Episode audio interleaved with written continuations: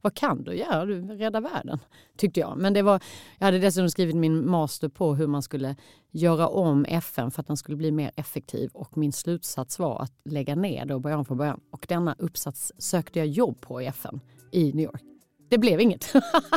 Fick du någon feedback? Nej, jag fick väl ändå, jag fick ändå tack men eh, kanske inte aktuellt.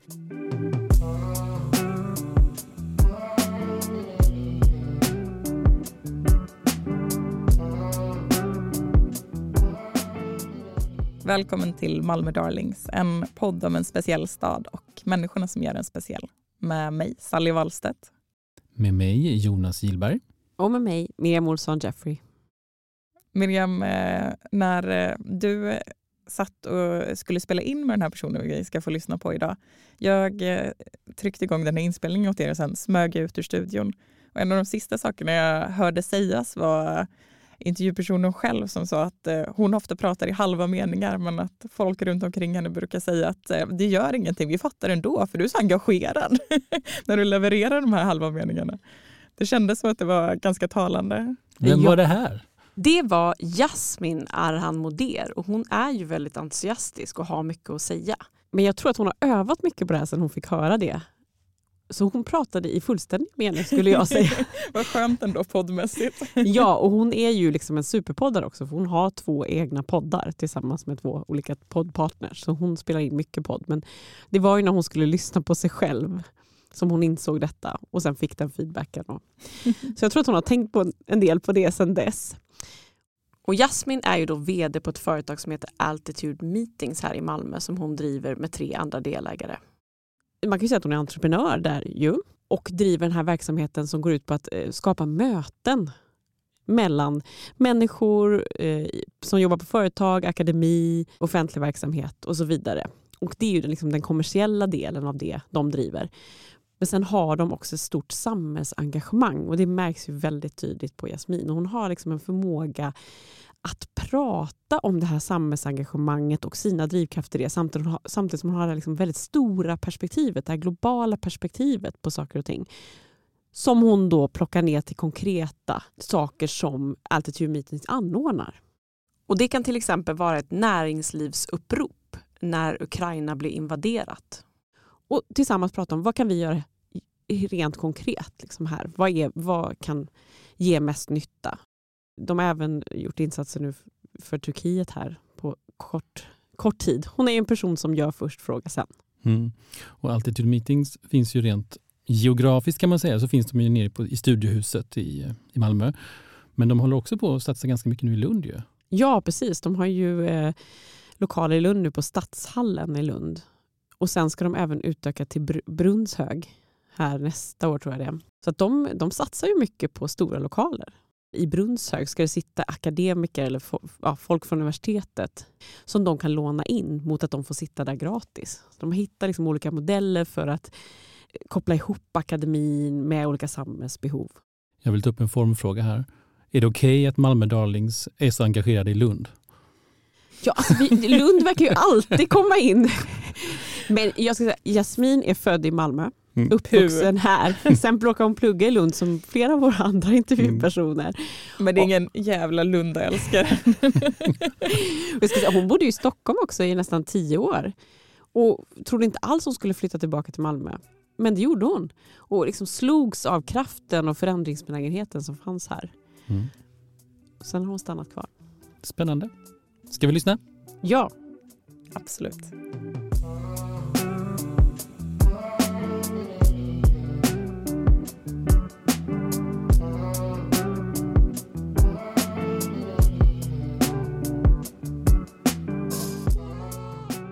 Välkommen till Malmö Darlings, Jasmin Aran Moder.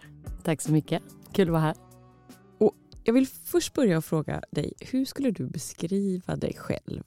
Jag skulle väl beskriva mig som eh, ganska bestämd, väldigt eh, Eh, fokuserad på rättvisefrågor. Eh, mycket energi men eh, jag somnar ju å andra sidan. Man kan säga så att det är intensivt när jag är vaken. Sen somnar jag ju typ nio för jag är helt utslagen för det, går så, det är så intensiva dagar. Eh, men jag fyller liksom min, min tid väldigt mycket fokuserat på det jag tycker är rätt och riktigt. Eh, och sen kanske det inte är det, men eh, det, är, det är det som får mig upp på morgnarna och eh, försöka driva den typen av frågor. Så, så mycket rättvisepatos och eh, mycket energi. Och, eh, men också en hel stor dos av, eh, jag ska inte säga ödmjukhet, men jag är ju ganska riskbenägen. Eh, det innebär att jag är inte är så rädd om saker och ting går åt skogen. Kan du ta ett exempel på hur din riskbenägenhet tar sig uttryck? Ja, men dels är det väl lite det bolaget som jag driver nu, Altitude Meeting, som jag har drivit i snart åtta, lite mer än åtta år. Att, att det, det är klart att hade jag funderat igenom vissa delar eh, i den risk vi har tagit i att, att liksom signa stora kontrakt i stora nya hus med liksom Malmös styrelsehyra och lite sånt och hyresgarantier som jag knappt visste vad det var när jag signade avtalet så kanske jag jag hade funderat ett, en sväng till. Vågar jag göra detta? Med allt vad det kan innebära i form av... Eh, jag, menar, det, det, jag hade ändå tre barn och man och hus och allting när vi startade. Med vad det kan medföra för, för eh, konsekvenser om det hade gått åt skogen. Men jag har inte riktigt den tänket för jag tycker väl alltid att om saker och ting går åt skogen så har jag, då, då, får jag väl göra någonting annat. Då får jag, väl, alltså jag har ju jobbat i restaurang i massa år. Jag har gjort catering, jag har jobbat eh, liksom inom ganska många områden. Då får jag väl hitta, då får jag vilja hitta på något annat. Vi ska ju prata mer om Altitude Meetings förstås. Men jag vill också säga att Malmö Darlings handlar ju om den här staden vi bor i och människorna som gör den speciell. Och vi brukar liksom vara nyfikna på, eller jag är väldigt nyfiken på var din resa började någonstans. Du pratar ju om restaurang, och, men du är också uppvuxen i Malmö, mm, eller hur? Mm. Vill du berätta mm, lite? om... Ja, men det är lite rolig bakgrund. Jag, min pappa är från Turkiet, eller han är född i Sverige som faktiskt tror jag, en av de första turkiska eh, barnen som föddes här. Min farfar kom till Sverige eh, runt eh, mitten av 20-talet och eh, för att sälja mattor till detta kalla nordiska land. Och eh, föddes, eh, min pappa föddes då som en av tre bröder och eh, senare i livet så öppnade de mattbutiker både i Göteborg och Malmö. De hade i Stockholm. Och pappa blev då ansvarig för Malmö. Och där träffade han min mamma och min mamma kommer också från en ganska mycket entreprenörsfamilj. Min morfar var stor inom kosmetik och frisör och eh, startade Pierre Robert en gång i tiden om man nu kommer ihåg det. Och han gjorde det tidigt. Han var 13, 14, 15 när han började med sin resa. Massa eh, skäl till det. Men, eh, så entreprenörsandan har ju alltid funnits eh, liksom, i, liksom, i min, mitt DNA tror jag. Och jag har alltid liksom, ja, men du vet, allt från att sälja saft ute på gatan till att, att driva garderob på Kungsparken när jag var 17 till att ha liksom idéer kring att ta hit det första frozen yoghurt stället när jag hade varit i USA ett år. Så var, I Malmö här då? I Malmö. Startade du mm. det? Mm. Men, och, och liksom startat och gjort grejer. Liksom, vissa har väl bara varit på idéstadiet. Så, så där kommer liksom entreprenörsdelen. Sen jag är den första i min familj som har blivit akademiker eller gick vidare och började plugga på universitetet. Och jag tror det låg mycket i att jag också då parallellt med det här entreprenörskapet hade en, eh, den här, lite den här rättvisepatosen. vi var nere och hälsade på min morbror som när jag var liten bodde i Paris och jag såg hemlösa och jag tyckte det var så, kan det, så här kan inte det, det vara. Och då hade jag någon idé att jag skulle köpa ett stort hus i Paris och så skulle, vi, eh, skulle alla hemlösa bo där. Och då var jag kanske 12 och jag, jag vet att jag, jag höll på med den här idén länge. Jag hade en liksom lång affärsidé och, hur jag skulle få in pengar till den här, det här huset. Gick, det gick inte så bra för att jag kanske var lite för ung. Men, eh, så den, Men den du såg typen, någonting där som du inte absolut. hade mött här i Sverige? Och, ja. mm, det fann, alltså då Nej. såg man inte det. Och, den, den för, och då hade jag nog en, ett tänk att jag vill jobba med den typen av internationell eh, hjälporganisationer. Så jag hade väl en dröm någon gång att, att jobba inom FN eller liknande. Så där någonstans började den här resan på något sätt. Hej, Ulf Kristersson här. På många sätt är det en mörk tid vi lever i. Men nu tar vi ett stort steg för att göra Sverige till en tryggare och säkrare plats. Sverige är nu medlem i Nato. En för alla, alla för en. Vi är specialister på det vi gör, precis som du. Därför försäkrar vi på Swedea bara småföretag, som ditt. För oss är små företag alltid större än stora och vår företagsförsäkring anpassar sig helt efter firmans förutsättningar. Gå in på swedea.se företag och jämför själv.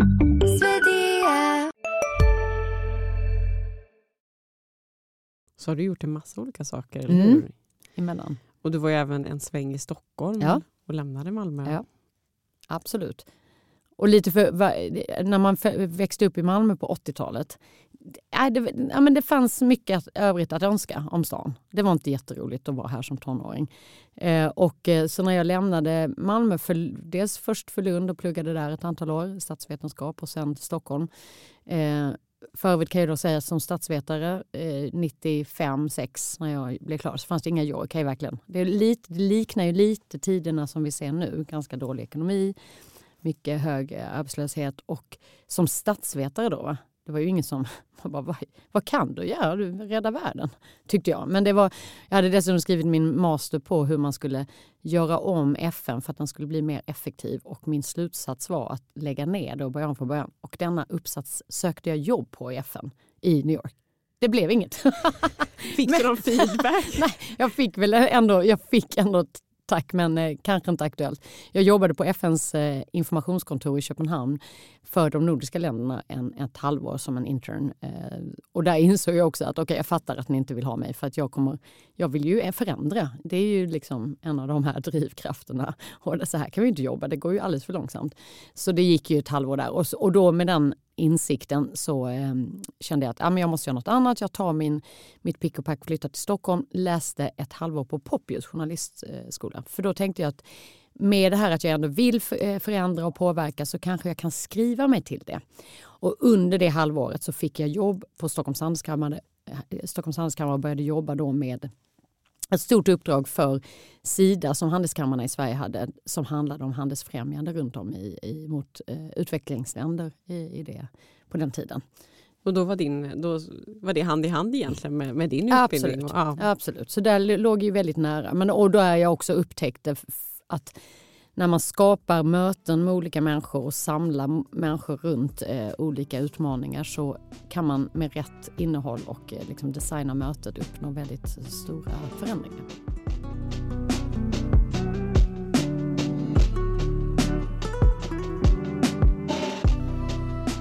Du har även varit på Media Evolution. Ja, och den är ju en, det är också en rolig, för det, det som hände var att jag var på Stockholms handelskammare i nästan nio år och sen Eh, fick vi, hade vi fått vårt första barn och jag kände, vi kände båda att men vi vill inte bo i Stockholm. Och då ska jag säga att vi flyttade ju med för att vi skulle komma hit för familjens skull. Både min man och jag har familj här. Och vi flyttade tillbaka och ingen av oss hade jobb. Jag fick jobb tror jag, en vecka innan vi flyttade ner på Sydsvenska handelskammaren och visste egentligen inte så mycket om Malmö utan tänkte ja, ja, men det, det är ju sånt man gör nu i barntider. Där jag upptäckte att men herregud, här händer ju hur mycket roligt som helst. Så där uppstod nog min, min eh, nygamla på något sätt kärlek till Malmö och bara sen dess har jag ju bara tyckt att Malmö är ju något av det roligaste att jobba i. Därför det är, det är hela tiden i utveckling. Det, finns en, det är inte färdigt. Och då får jag dessutom, jag lämnade handskammaren ganska snabbt och får en eh, förfrågan från eh, Eh, Malmö näringslivskontor om jag skulle kunna hjälpa dem att göra ett nytt höstmingel. Och det här höstminglet skulle locka alla coola eh, företag i Malmö, så här, kommunikationsbyråer. Då får, man höra, då får man tänka att jag har varit på nio år i Handelskammaren. Det är ju, den är ju ganska, alltså det är ju en härlig värld men det är ju ganska traditionellt om vi säger milt sagt. Och jag får frågan, kan du göra den här konferensen om rörlig bild? Och jag säger ju aldrig nej. Absolut säger jag. Inga problem. Rörlig bild, alla coola bolag i Malmö och det ska fylla 900 pers. Inga problem. Det här var stora höstmingel de hade. Mm. Och då kom jag hem till min man och sa att vi ska, jag ska göra en konferens om tv. För jag fattar inte vadå rörlig bild. Youtube hade ju precis kommit. Och då eh, på den vägen där lärde jag känna alla de här Mediamötesplats Malmö som sedermera blev Media Evolution. Jag lärde känna hela dataspelsindustrin. Jag lärde känna Hampus Jakobsson faktiskt. Som Eh, också har varit med i Malmö Darlings. Ja. Yes, yes. Eh, och eh, gjorde en konferens som fick namnet Media Evolution. Så namnet kommer faktiskt från min man som satte namnet Media Evolution. Sen eh, blev det, gjorde vi en merge mellan det och eh, en annan konferens som blev The Conference som jag gjorde med Martin Törnqvist inledningsvis. Så på den vägen var det. Och det var så roligt. Jag lärde känna så mycket människor. Jag förstod också mycket mer det här på tvärstänket. Eh, liksom, jag kommer ju från med det liksom gamla eh, traditionella tänket kring företagande, industri och handel och så kommer man in i detta nya, ganska disruptiva. Och där tror jag att mycket om mitt, så som jag tänker idag, eh, så det, där kom nog det. Ja, och vill du berätta lite då om det du gör idag med Altitude Meetings? För när man utifrån sett så ser det ut som dels en kommersiell verksamhet, helt enkelt, en mötesverksamhet, men det finns också ett stort samhällsengagemang mm. i det ni gör. Vill du berätta lite hur ni har lagt ja. upp det och det är också tillsammans med Anders Mildner. Precis. precis. Ja, men vi startade bolaget eh, för eh, lite mer än åtta år sedan och eh, jag har fyra andra delägare. Jag är då huvud, huvudägare och vd. Men, men vi, dels har jag nog alltid känt att jag har ett behov att driva mina egna frågor för att jag vill göra det inte bara, jag brukar raljera över att jag är så otroligt dålig med chefer. Och det finns ju en sanning i det. Jag blir ju lite liksom... Jag, ja, men jag har någon, någon inbyggt att jag måste ifrågasätta även om jag tycker att de har rätt. Så jag, är, ja, men jag ska inte... Alltså, det är bättre att jag kör mitt Det är bättre att du är chef? Ja, det är bättre. Eh, och, och, och, och då kom tillfället i alla fall då för åtta år sedan att, att skapa det här bolaget och där jag också, redan då så visste jag ju när jag kom från Media Evolution, jag hade varit en, en sväng på anagram och där jag visste att möten i olika former är ett fantastiskt verktyg för att, att liksom möta de utmaningar samhället står inför. Och jag och Anders hade jobbat innan tillsammans både på anagram och tidigare med Moving Images bland annat. Vi finns till för att försöka bidra med lösningar och nytt, nytt tänk, ny kunskap kring de här stora ödesfrågorna vi har vi lever ju på att, att eh, hjälpa företag och andra att göra sina möten med den kunskap vi har. Hur man gör det här bra, producerar innehåll, eh, faciliterar, modererar. Vi har dessutom två anläggningar, både i Malmö på Studio och Stadshallen i, i Lund, där vi då kan erbjuda eh, företag och organisationer att hyra in sig.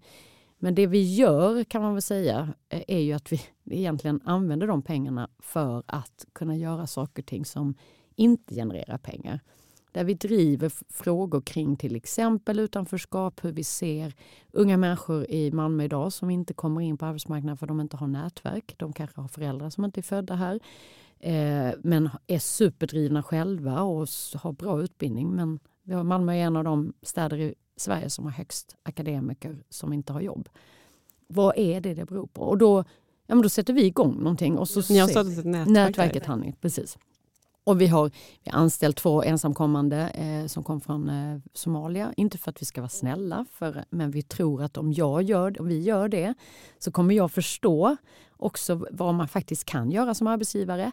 Men den andra delen av detta är ju att jag lär mig massa saker vilket gör att min idébank blir större vilket gör att jag kan bli bättre på att möta andra kunders behov. Så det är inte så att jag jag gör massa saker på en, med ena handen som är lite snällt och så på andra ska jag vara superbusiness utan det hänger ihop.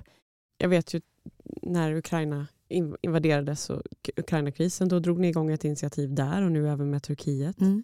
Vill du berätta lite hur ni liksom organiserar de här olika samhällsinitiativen? Ja, men det, om jag backar lite grann. Jag hävdar ju eh, med en fas att vi alla, oavsett vem vi är, kan göra mer. Där är ju de här ödesfrågorna som vi står inför, måste lösas. Och jag tror tyvärr inte vi, dels tror jag inte vi kan förlita oss riktigt på politikerna, även om man hade velat. Eh, generellt utan vi alla eh, behöver dra vårt strå, strå till stacken. Och vi till exempel, ja, men vi har ju massa lokaler. Vad kan vi göra när vi har lo lokaler? Och som de flesta vet, lokaler står ibland upp till 80% tomma. De används inte.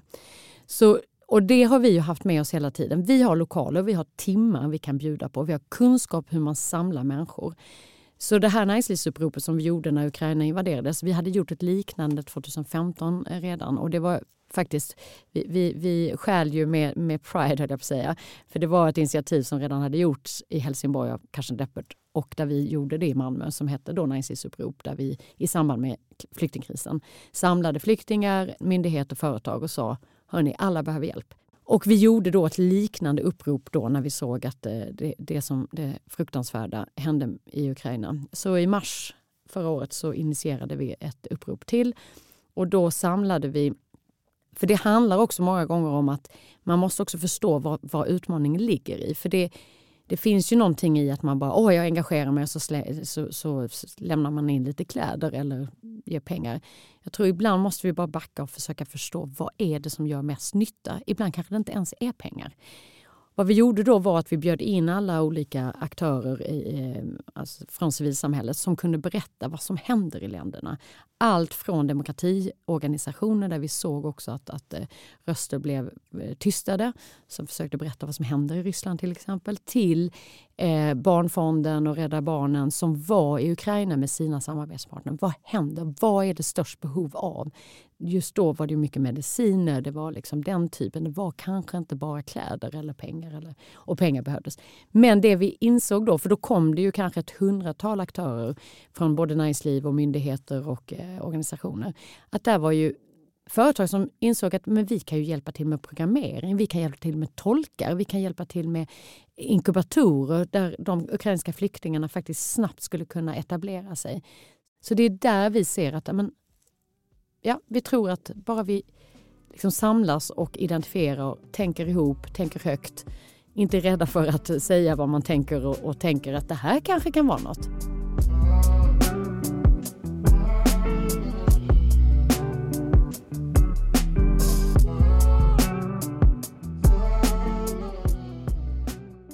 Vad, vad, är, vad, vad, är det du tänker på liksom på dagarna? Vad är det som driver dig i allt detta?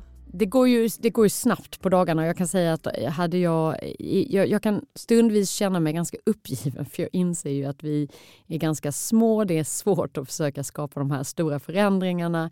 Jag försöker i de, de eh, mörka stunderna ändå backa lite och säga att, att bara att, att försöka göra någonting, att uppmärksamma olika utmaningar, vad det nu må vara. Vi, nu nämnde du Turkiet och Syrien som mm. har ju drabbats av denna fruktansvärda, fruktansvärda jordbävning. Och där vi då så sitter vi ner tillsammans med, med alla kollegor och, inser att vi som människor har ju jättestora problem att ha flera tankar i huvudet samtidigt.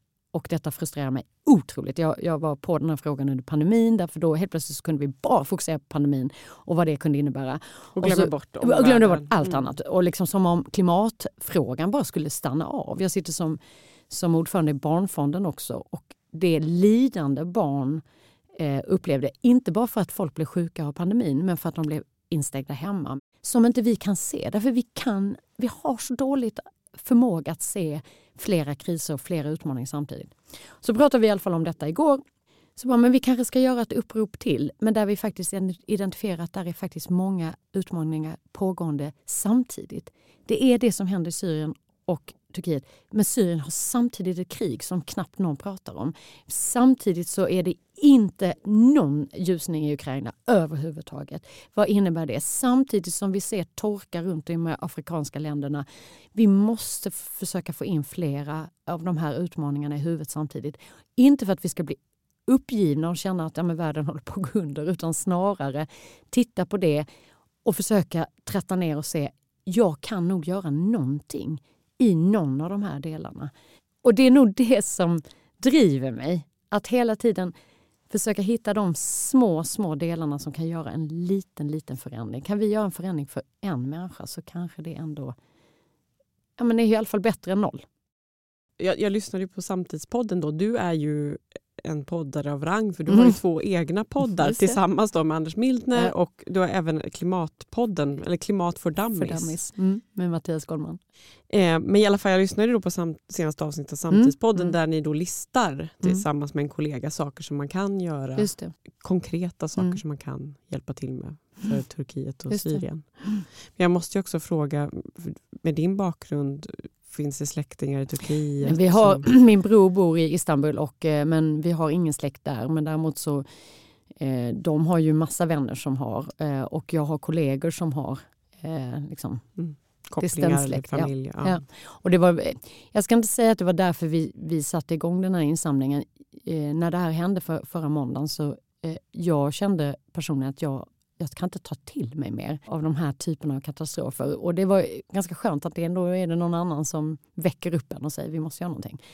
Och där vi också snabbt, för det, det, handlar ju också mycket om att verkligen försöka identifiera vem kan hjälpa till på riktigt. Så att inte vi bara...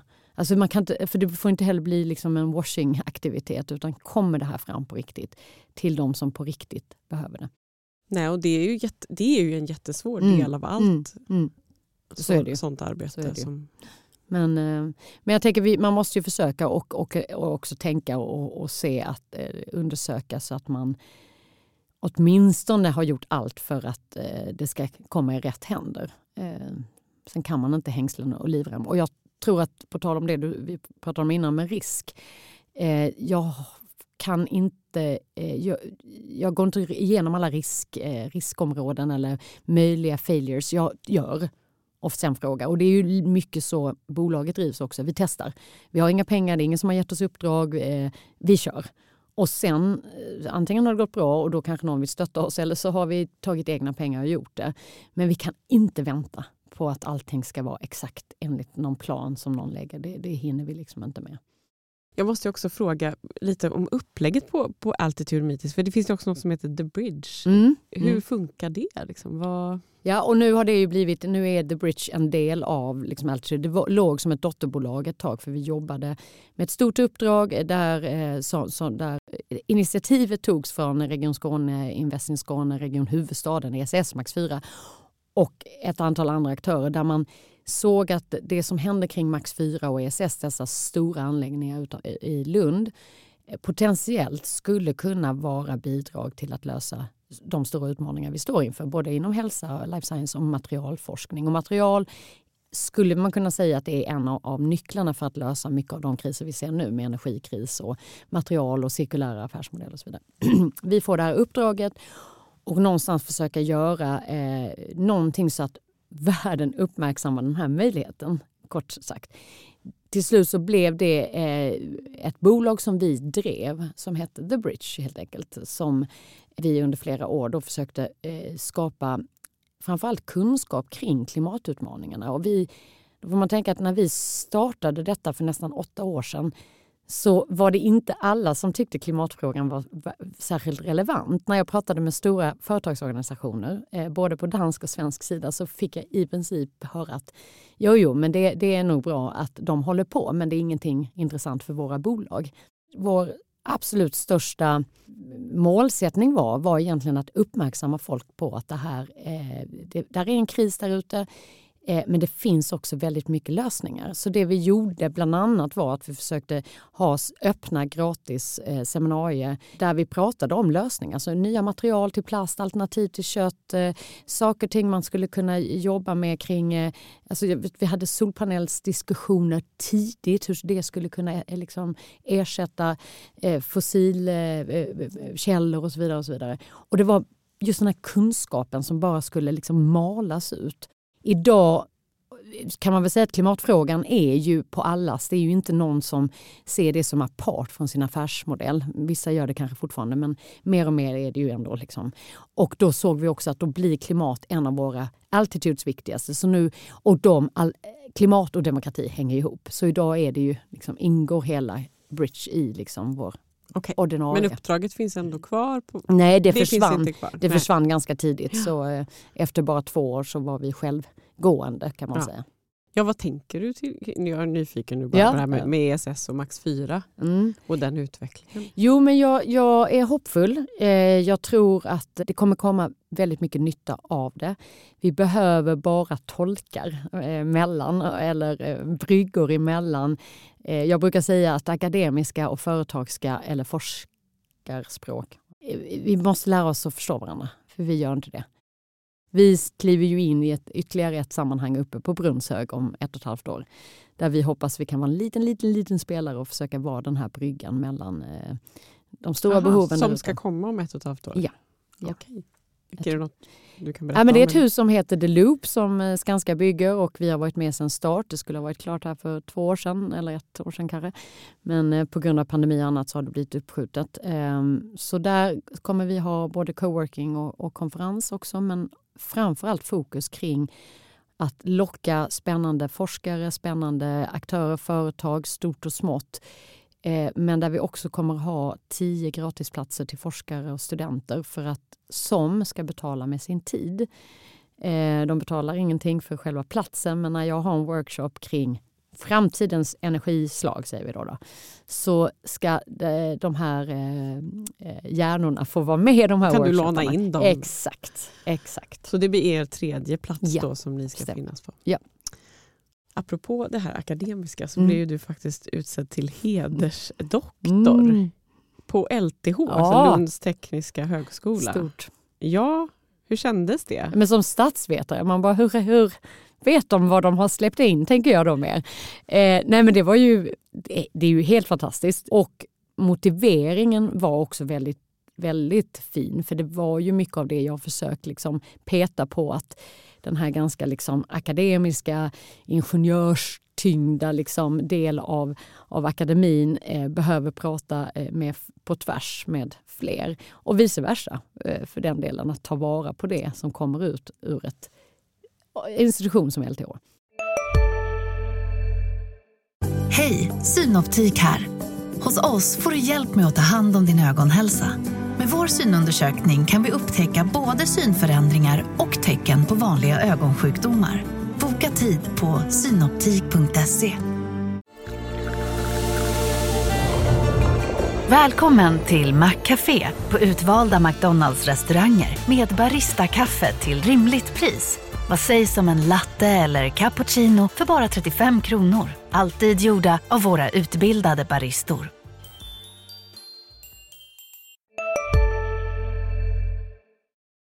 Vad är det man gör när man blir Jag vet inte. Det enda jag vet är att man ska vara med i en ceremoni i ja. domkyrkan i Lund i tre timmar. Jag kan, inte sitta, jag kan inte sitta still i en, en halvtimme. Alltså det är min, just nu min största oro. Malmö näringslivsskala är ni nominerade till nu. Men vad betyder Malmö för dig? Ja, men Malmö betyder faktiskt eh, otroligt mycket. För hade inte Malmö varit så som det var när jag flyttade tillbaka så då jag kände ingen, jag hade ju ändå lämnat Malmö ganska liksom där efter gymnasiet och hade varit borta i nästan 12 år får man väl säga. Jag hade aldrig jobbat i Malmö på det sättet förutom liksom, eh, extrajobb under gymnasiet och sådär. Men, men eh, flyttar ner, känner ingen, börjar engagera mig. Och, och det var också en tid, som jag sa innan, när Malmö höll på liksom att hitta sin form för den här nya typen av entreprenörskap som man inte hade innan. Eh, och där man liksom delade väldigt mycket kunskap med varandra och kontakter utan att kräva någonting i gengäld. Jag tycker, du nämnde Hampus Jakobsson som ju också varit gäst här. Han eh, sa någon gång att, att eh, Malmö är ju det är ju lite det här Malmö way. Man, man kan cykla runt med, med en, en, en nyfunnen vän eh, snabbt och introducera för någon annan. Och man, det gör man bara. Man, man bjuder på det. Det gjorde man inte i Stockholm, det jag kom från i alla fall. Den resan att ha varit med om ett ganska disruptivt tänk i hur du bygger bolag älskar jag Malmö för. Och de invånarna som finns här. Och det, det är liksom låga trösklar att prata med människor oavsett titlar, oavsett var de är någonstans. Sen finns, har vi ju tusen utmaningar. Vi ska inte förglömma dem. Men äh, jag, jag, jag är fortfarande superglad och tacksam att få vara i Malmö i den här tiden. Då vill jag säga tack Jasmin för att du kom till och var med i Malmö Darlings. Tack så jättemycket. Du har lyssnat på Malmö Darlings med Jasmin Aran Moder. Det här är en podd från Sydsvenskan som är producerad och klippt av mig, Sally Wahlstedt. Följ podden där du lyssnar på poddar. Och har du tips på någon som du tycker vi borde intervjua i Malmö Darlings, skicka ett mejl till malmodarlings.sydsvenskan.se. Ansvarig utgivare för den här podden är Jonas Kamje. Vi hörs.